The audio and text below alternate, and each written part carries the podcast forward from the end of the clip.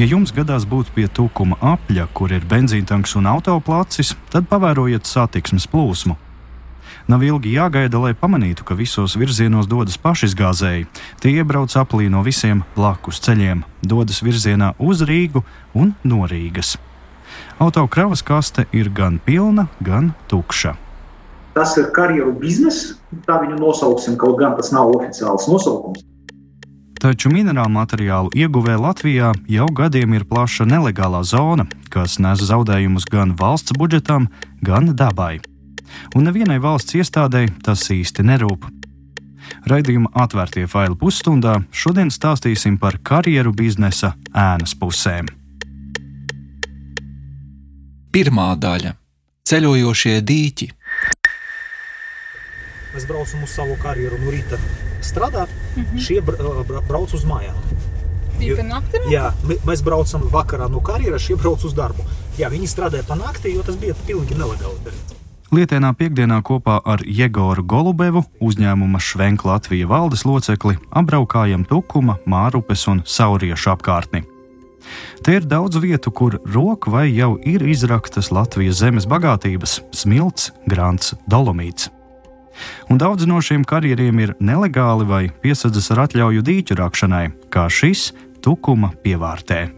Tur tālāk tā teritorija, ūdens ir tikai šī galā, tur ir vienkārši tādi vaļņi, kaudzes, viss, nu, zaķi tur dzīvo kaut kādā. Ja? Šeit viss ir, viss ir izrakts materiāls. Un tur var redzēt, tur līdz mežam. Ja? Te viss, te vairāk materiāla nav, un zeme arī vairs nav izmantojama. Jegaura pārstāvētais uzņēmums Švenk Latvija ir liels spēlētājs būvmateriālu tirgū. Tam pieder betona un cementa ražotnes, arī karjeri, kuros iegūst izeivielas būvmateriālu ražošanai.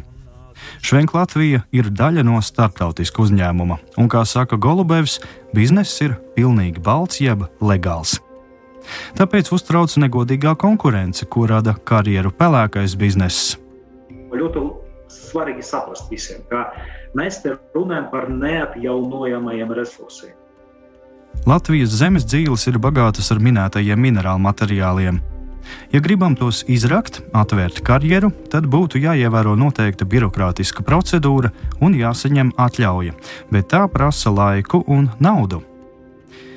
Jēgors min ekstrēmu piemēru. Kādā objektā švenka rakšanas iespēju gaidījis 11 gadus, tā bijusi vēl padomju laikā apstiprināta krātuve, tomēr dokumentu sagatavošana bija ilga.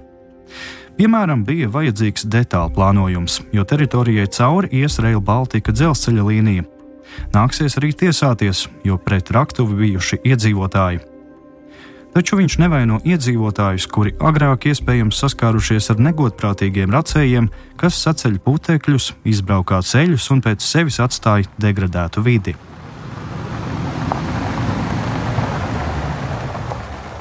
Esam apstājušies ceļmalā, Tukuma pusē.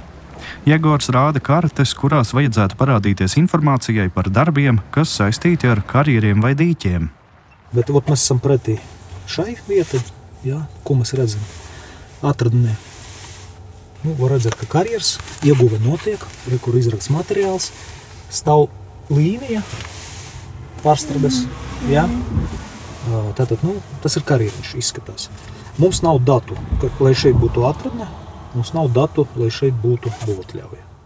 Piebraucamais ceļš atduras pret vārtiem, uz kuriem zīme, ka nepiedarošiem iebraukt aizliegts. Teritorijā redzam tehniku, bet cilvēkus šobrīd nemana mums principā sastopami visa veida pārkāpumi ikdienā. Tātad mums ir pilnīgi nelegāli karjeri, vēl joprojām sastopami. Tātad tas ir vietas, kur tiek krāpts materiāls brutāli, bez atļaujas, bez saskaņošanas, bez tehniskiem noteikumiem, bez rekultivācijas. Vienkārši bedra zeme, kur iegūst materiālu un ved ārā. Un tur ir, interesanta tāda apakšproblēma, ir tā saucamie zivju dīķi. Daudzi apgalvo, ka raks nevis karjeru, bet dīķi.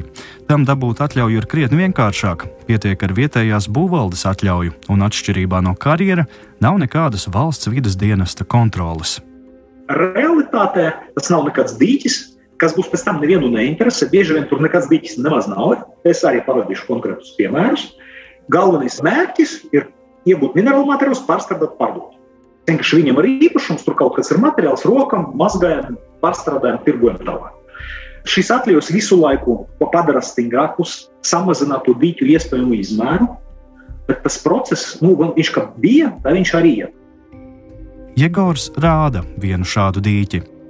Ja kāds sūdzas par šo maskēto atradni, tad vidas dienests saka, ka tā nav viņu problēma un sūta uz būvvaldi, jo pēc dokumentiem tas ir būvobjekts, nevis atradne.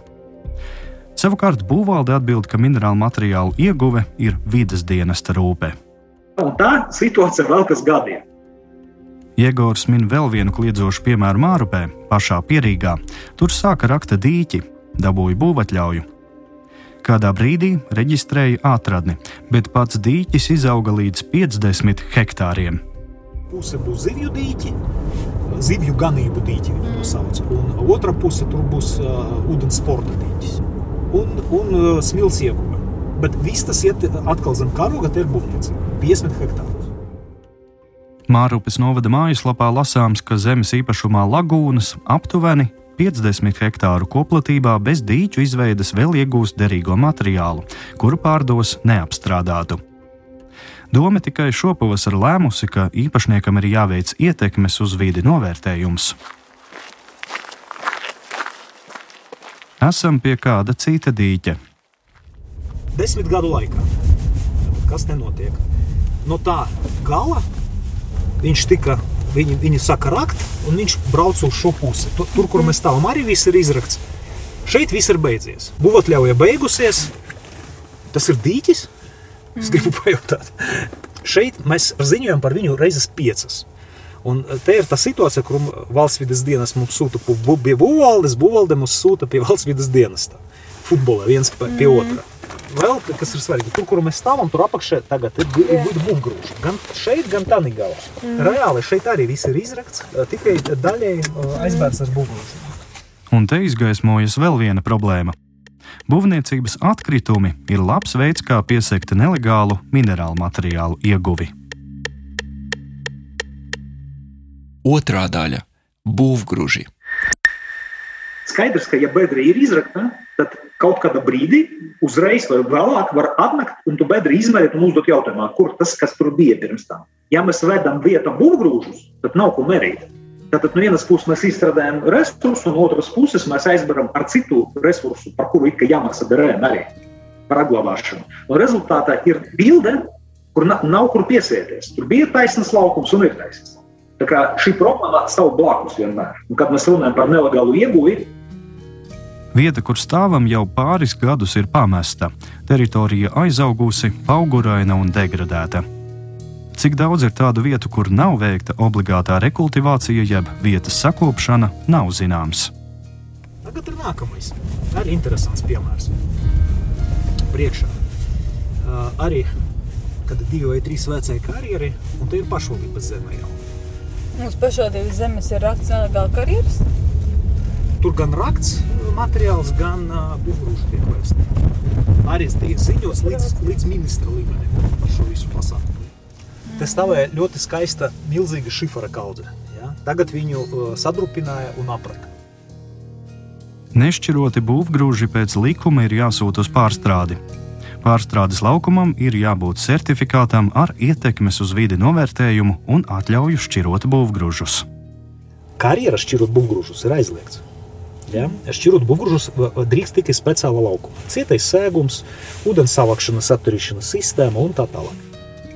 Tur tos sašķiro, atlasa tādus, kas nepiesārņo vidi. Nu, tas pats betons, asfalts, kur kaut kāda akmeņa, koksne daļa, tur vēl kaut kas. Ja? To teorētiski karjeru apglabāt var. Ir viena nianses, ir ļoti svarīga. Mēs karjeru izstrādājam, izņemot ārā materiālu un atskaitāmies par izrakto apjomu. Un, ja mēs tajā vietā iepildām kaut ko citu, tas, mums tas ir obligāti jāreģistrē. Jāatskaitās un par to jāmaksā dabas resursu nodoklis. Mm -hmm. Tad mēs maksājam dabas resursu nodokli par izstrādāto materiālu un par apglabāto materiālu. To, ka grūžus sola izvest teju katrs minerālu materiālu piegādātājs, labi redzams sludinājumu portālā SSLV. Tur gandrīz katrs sludinājums, kur rakstīts vedamu, smiltis, čembas, aiz komatēt, izvedam būvgrūdu. Un bieži vien tie ir transporta uzņēmumi, tā ir ļoti labi optimizēta sistēma, kad viņi uh, turp atved materiālu, izber, viņiem iemet iekšā kaut kādus atkritumus, un viņi aiziet uz to pašu bedru uh, aizpērcienu. Pa tukšu neviens nebrauc. Ļoti un efektīvi. Jēgors stāsta, ka vedēji nemaksā ne par ieguvi, ne uzglabāšanu, ne nodokļus. Un šī optimizēšana pēc tam nav arī pārbaudāma. atveram sludinājumu portālu un apzvanām vairākus būvmateriālu piegādātājus.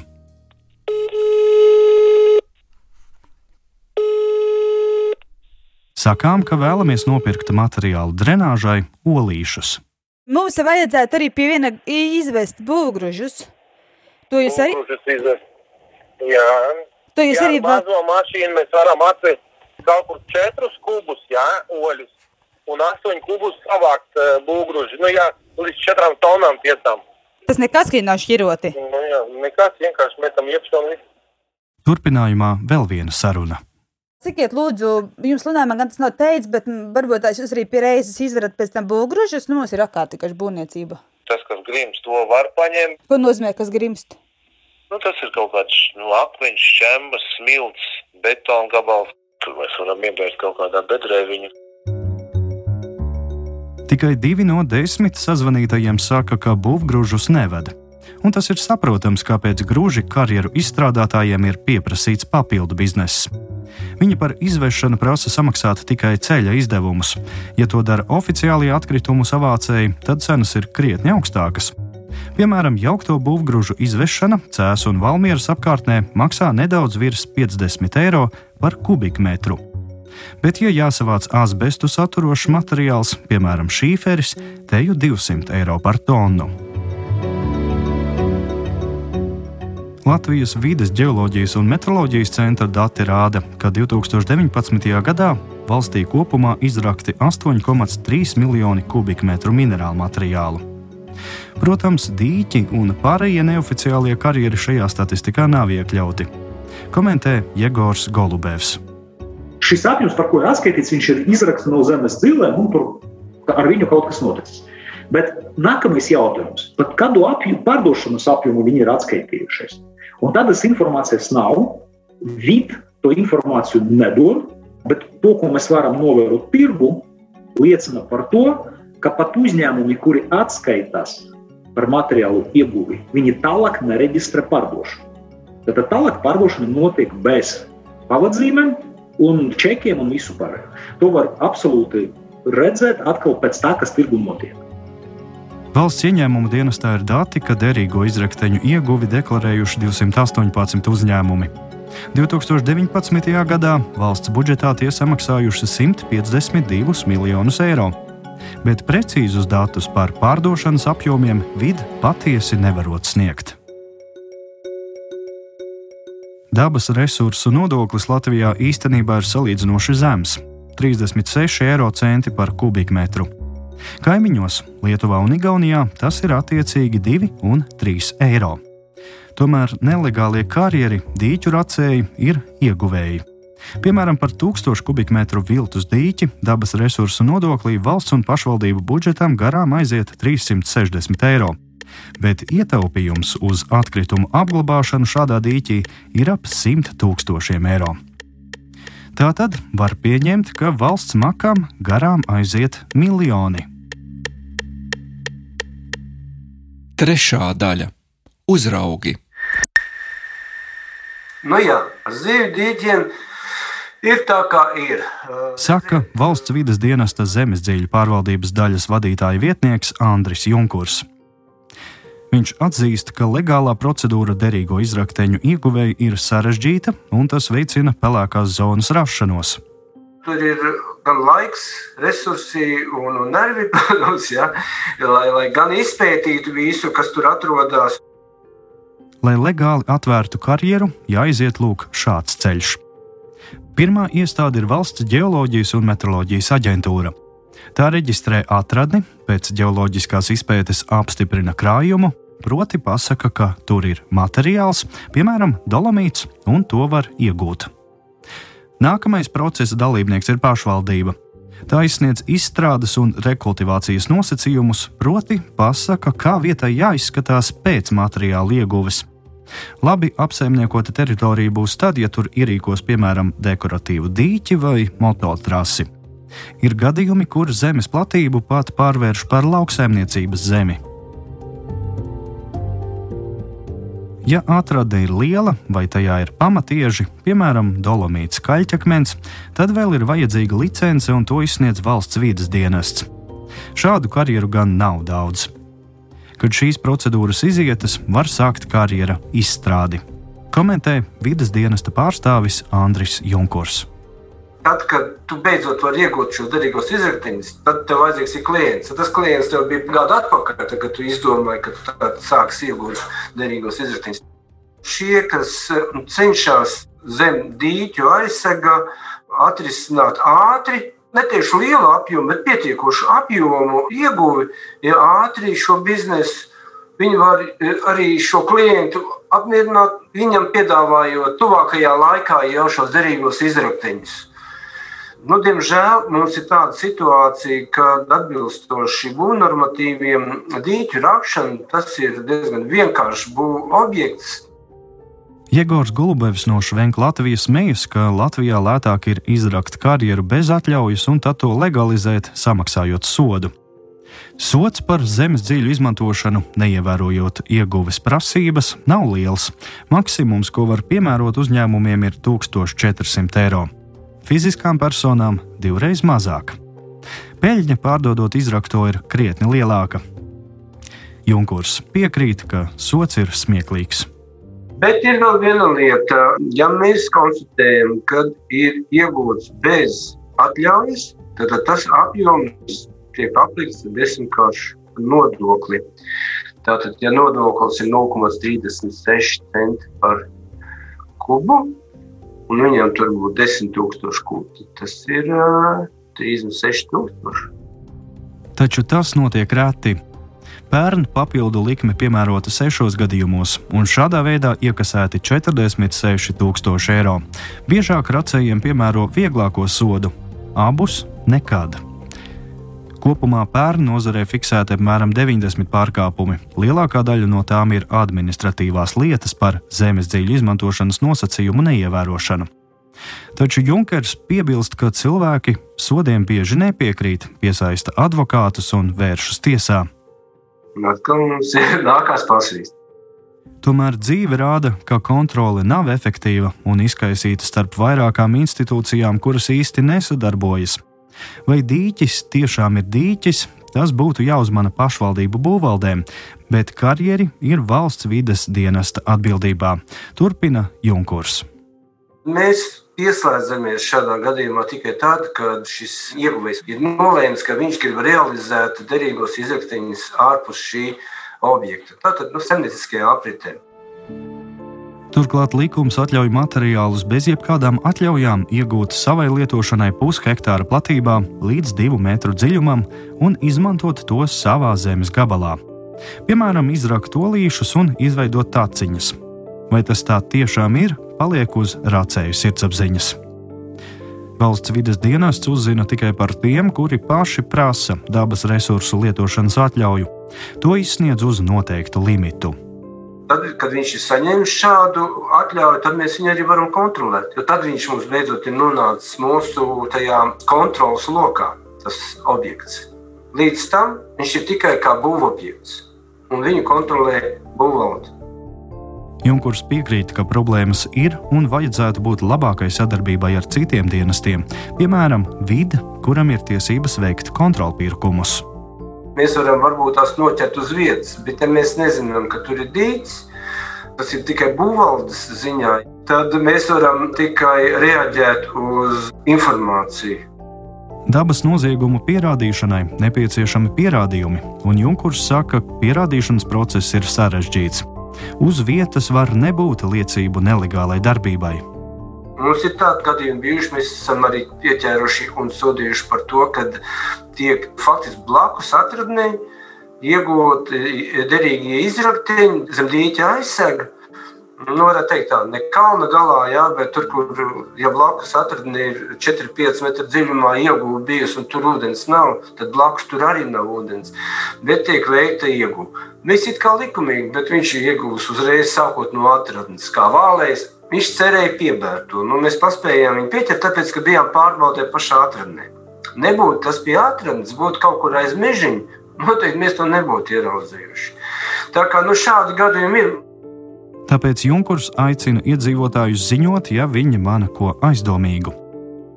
Vēl viņš cer uz pašvaldību reformu un intensīvāku sadarbību starp vidas dienestu un vietvaru būvvaldēm, kurām varētu būt informācija par būvatļaujām, ko izmanto derīgo izrakteņu ieguvēju. Gribētu tos ātrāk uzzināt par tādu iespējamo būvniecību un varbūt tas par uzsāktu būvniecību. Jo akceptētā šī atļauja ir piecus gadus derīga. Kurā brīdī sāk rakt? Pat tad, ja mēs esam informēti par to, ka viņš ir saņēmis šādu atļauju, mēs to nevaram zināt. Ja mums ir simts novadi, šobrīd pār simts novadiem, tad, eh, un cik tur šīs būvniecības lietas nenotiek, ja, tad tas, protams, ir neiespējami. Tiesa, vides dienests varētu izmantot citas iestādes, Latvijas vides geoloģijas un meteoroloģijas centra publiski pieejamās datu bāzes. Tās glabā informāciju arī par dīķu racējiem, kuri ir ieinteresējušies par derīgajiem izraktiņiem savos īpašumos, jo griezties šajā centrā un aplūkot valsts geoloģijas fondu var jebkurš. Arī centra geoloģijas nodaļas vadītāja Māra Brūne atzīst, ka nelegālās ieguves vietas ir problēma savā pusē konstatējam, ka komersants veids darbības ārpus ģeoloģiskās dokumentācijas termiņa. Ļoti daudz tāls pēc materiālu ir publiski pieejami, kuri var palīdzēt kontrols funkciju veikšanai, kā rezultātā mēs arī ar valsts dienestu sadarbojamies. Ja mums ir kaut kādas lietas, kuru rezultātā mēs vērtējam konkrētu atradņu datus, mēs redzam, ka tur kaut kas nav īsti tā, kā tam būtu jābūt, mēs, protams, uzreiz informējam valsts dienestu, sniedzot viņiem papildu informāciju novērtēt, jo mums, piemēram, nav informācijas par dabas resursu lietošanas atļaujām. Tās tomēr izsniedz valsts dienas, ka rezultātā mēs nekad neesam pilnīgi droši par to, vai tiešām tās ir vai nav nelegālas darbības. Kā rezultātā mēs vienmēr vēršamies valsts dienas, tās sniedzot viņiem to informāciju par to, ka mums ir bāžas par kādu konkrētu objektu legālo izmantošanu. Andris Junkurs stāsta, ka vidas dienests tagad sācis meklēt partneri monitoringa programmai. Runa varētu būt par satelīta attēlu robotizētu salīdzināšanu noteiktos laika posmos, lai varētu laicīgi fiksēt izmaiņas uz Zemes virsmas.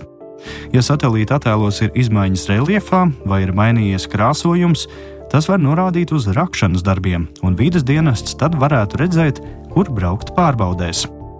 Uzņēmējs Jēgors Golubevs gan šādām izmaiņām jau seko līdzi ar Google Maps palīdzību. Vides dienests atkal uzskata, viņi tā nevar pārāk mazi resursi. Tas ir sākts, ja šogad ar to mēs esam sākuši nodarboties.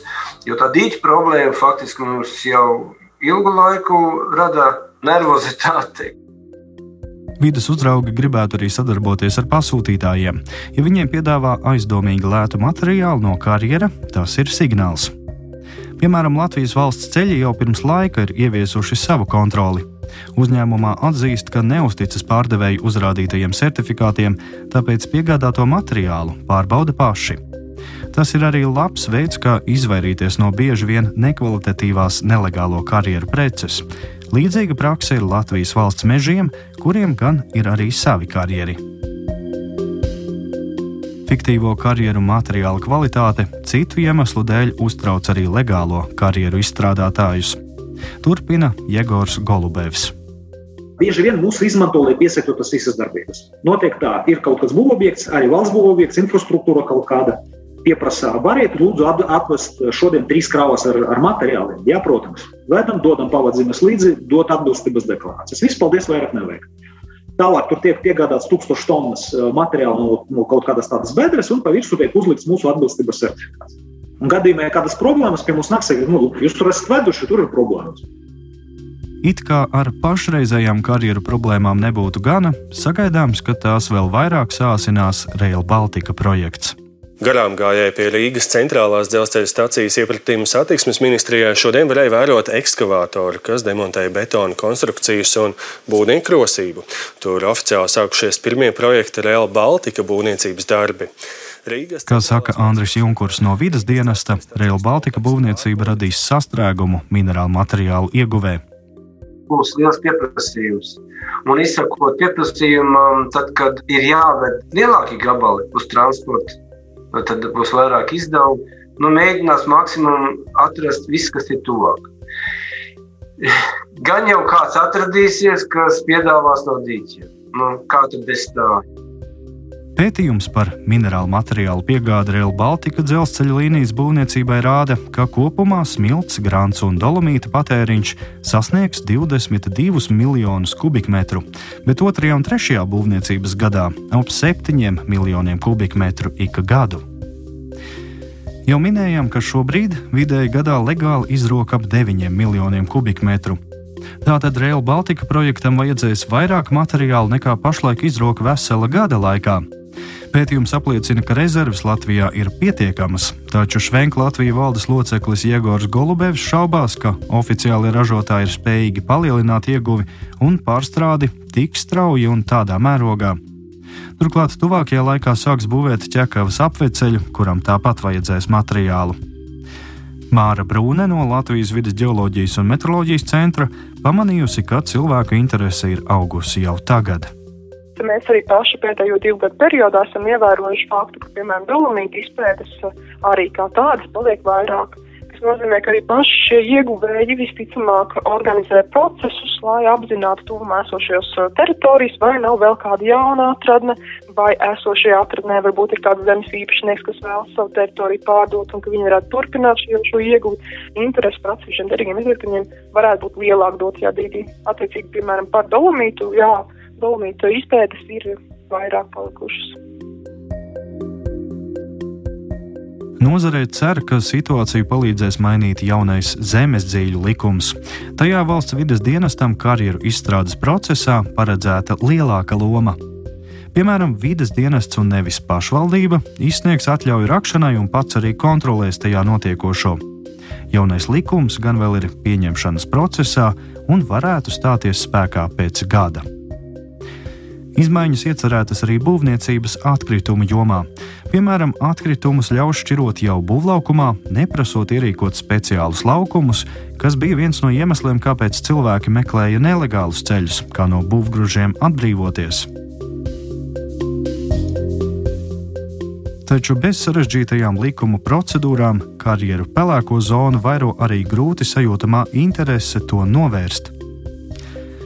Vismaz tad, kad pašvaldībai un valsts vidas dienestam pasaka priekšā, ka konkrētā vietā maskējoties aiz dīķa, roku un pārdod smiltis, nevajadzētu būt nepārvaramiem šķēršļiem sanākt kopā un vienoties, kurš un kā rīkosies jau tagad, ja vien to vēlas.